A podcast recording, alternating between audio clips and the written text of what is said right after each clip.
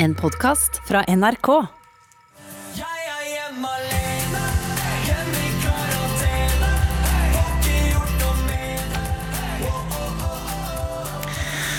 Dette er låta 'Karantene' av artisten Tix, og denne låten har også vært en stor hit i år. Og nå som vi er i gang med desember, så må vi snakke om musikkåret 2020 og kulturreporter Hedder Ørbekk Eliassen. 'Karantene' er altså én låt som mange har hørt på i år. Hvilke andre sanger har folk vært opptatt av? Dette her er en av låtene, og det som er, er at Spotify er jo ofte veldig hemmelighetsfulle når det gjelder tall og statistikk, men nå har de gitt lytterne en oversikt over hva som er lyttet til i 2020. Og da er det jo mye som er koronarelatert, og noe som ikke er det. Og artisten Tix, som vi nettopp hørte, er Norges mest strømmede artist, og det er nok fordi han har gitt ut en del låter. Eh, 85 låter i år, faktisk. Og bak navnet Tix så finner du 26 år gamle Andreas Haukeland fra Bærum.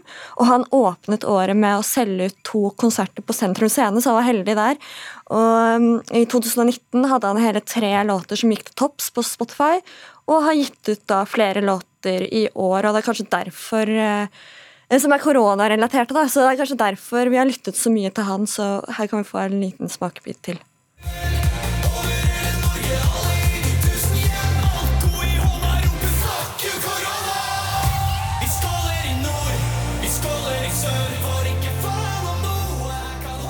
Så dette her var jo da en låt han skrev i forbindelse med 17. mai i år. Og vi hørte jo at han klarte å få inn ordet karantene her, og korona også. Um, så det var litt om Tix. Mm, sangen heter 'Skål', da kan du ta med det. Men eh, hvilken låt er det vi har hørt aller mest på, da? Den er eh, ikke norsk, den er svensk, så her er jo en liten smakebit. Men jeg kan ikke være i samme rum som dig utan att jag tappar andan Och varje gång du ser på mig känns som att mitt hjärta stannar Og det var jo da eh, den svenske 23-åringen Viktor Leksell. Og han har nå over 75 millioner strømmer, eh, strømninger på Spotify med denne låten. Så vi kan jo tenke oss at vi kommer til å høre mer eh, fra han. Ok, Takk for oppdateringen, kulturreporter Hedder Ørbekk Eliassen.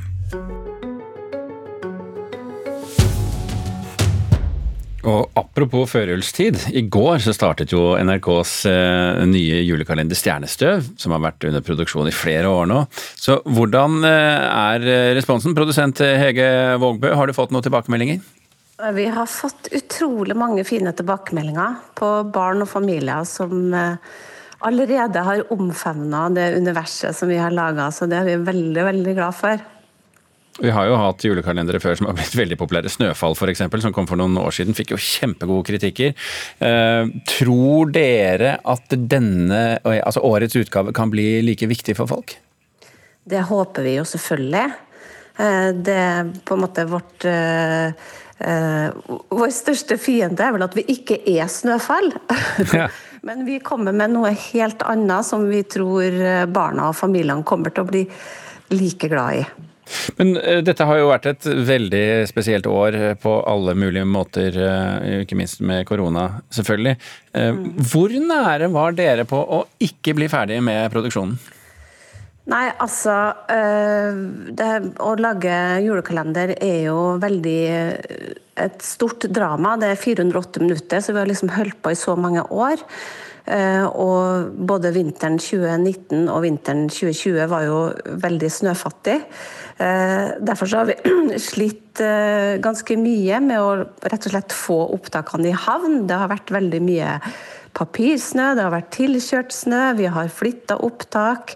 Eh, Vi har virkelig måttet brukt alt vi har eh, for å få det her til. Så da vi nesten sto på målstreken og koronaen kom og stoppa oss, som den stoppa hele verden, så sto vi igjen med åtte viktige opptaksdager, og da visste vi ikke helt om vi kom til å greie å komme i havn til 1.12., rett og slett. Så hva gjorde dere?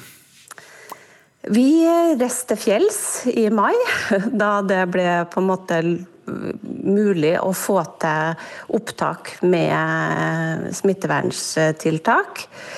Og så nå i oktober så eh, klarte vi faktisk å snølegge et ganske stort område på Økeren eh, for å endelig komme i havn. Så det var mot alle odds, eh, så greide vi det. Jeg har hørt rykter om en innendørs slalåmbakke også? Ja da, vi har uh, fått kjøpt masse snø fra Snow. Så det var veldig godt for oss at uh, de starta uh, med um, sin produksjon vinteren 2020. Eh, den mest snøfattige vinteren siden målingene starta, men da var det i hvert fall mulig for oss å få kjøpt snø som vi kunne kjøre til og legge på på våre locationer. Mm. Så det du i hvert fall kan love oss eh, nå i snakkende øyeblikk, det er at det ligger 24 24 eh, klare episoder, hvorav én er sendt. Nummer to skal i dag. Ja, og de ligger ikke helt klart ennå, faktisk. Men de kommer på løpende bånd. Så det er masse, masse flinke, iherdige folk som fortsatt jobber for å få mastra episodene, som vi sier. da. Eh, men eh, det, det, blir, det blir. Så ja, vi kommer så, i mål. Og så lenge dere ligger akkurat eh, noen timer foran hver dag, så, så, holder det for oss som skal se på. Eh, Stjernestøv, Stjernestøv er altså årets julekalender i NRK. Hege Vågbø, takk for at du var med i Nyhetsmorgen.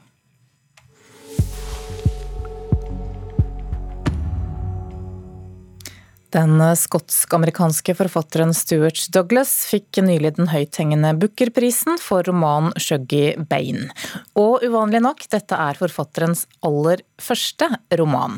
Litteraturkritiker her i NRK, Leif Ekle, god morgen. Morgen. Hva slags debutroman er det som får en slik anerkjennelse? Ja, et Godt spørsmål.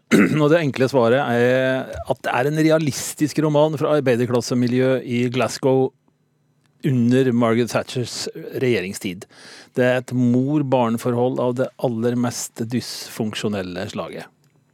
Ja, hva handler den om?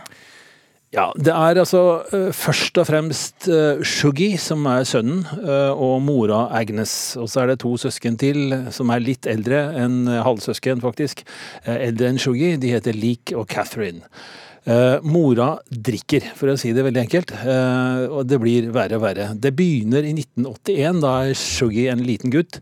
Uh, og mor har en slags kontroll. Hun har forlatt sin første ektemann til fordel for Big Shug. han kommer fra det protestantiske Glasgow, hun fra det katolske. skillene i Skottland kan være nesten like sterke som de kan være i Irland.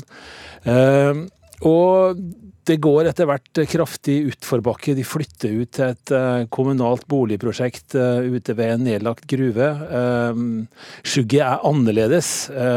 Ungene og de voksne erter han for at han må være homo. Han, etter hvert som vokser opp, så gir det seg ikke, men det blir verre og verre med mora. De store søsknene gir opp, for å si det enkelt, flytter etter hvert til slutt sitter Shuggy igjen, og han nekter å slutte å tro på at mora kan bli bedre. Og det er jo en illusjon. Og, og, det går hele veien riktig ille. Og så er vi tilbake da i, i, i Shuggys ungdom mot slutten av boka, da en 15-16 år bor alene og, skal klare seg på et vis. Eh, det er en veldig veldig sterk fortelling. Da. Mm, sterk fortelling, men hva er det som skiller romanen ut, og som gjør den så bra, som du sier? Ja, øh, det har, noe med, det har noe med Douglas' innlevelse i karakterene sine å gjøre. Eh, og jeg mistenker at det har noe med kunnskap å gjøre, altså direkte personlig kunnskap å gjøre. Eh, det har med språket hans å gjøre. Det er nesten umulig å beskrive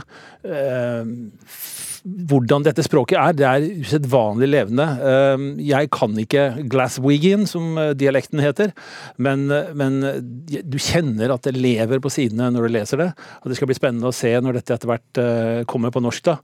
Ehm, og det, er først og fremst denne voldsomme empatien som tvinger fram medfølelse i leseren. Og etter hvert at du liksom Shoggy, du må klare det. Du må, du må skjønne at dette går ikke med mora di, men du må klare det. Mm. Du sier at den kommer på norsk, vet vi når? Eh, jeg tror det skjer i februar. Eh, Hilde Stubhaug skal eh, oversette boka, og i Åpen bok denne uka så skal vi snakke med Hilde Stubhaug også om, om, dette prosjektet. For lett å oversette kan det ikke være, og jeg gleder meg til det også. Ok, Leif Ekle, litteraturkritiker her i NRK, takk for at du var med. og Vi kan lese hele anmeldelsen til denne boken 'Sugarbane' på nettsidene våre nrk.no. Du har hørt en podkast fra NRK. Hør flere podkaster og din NRK-kanal i appen NRK Radio.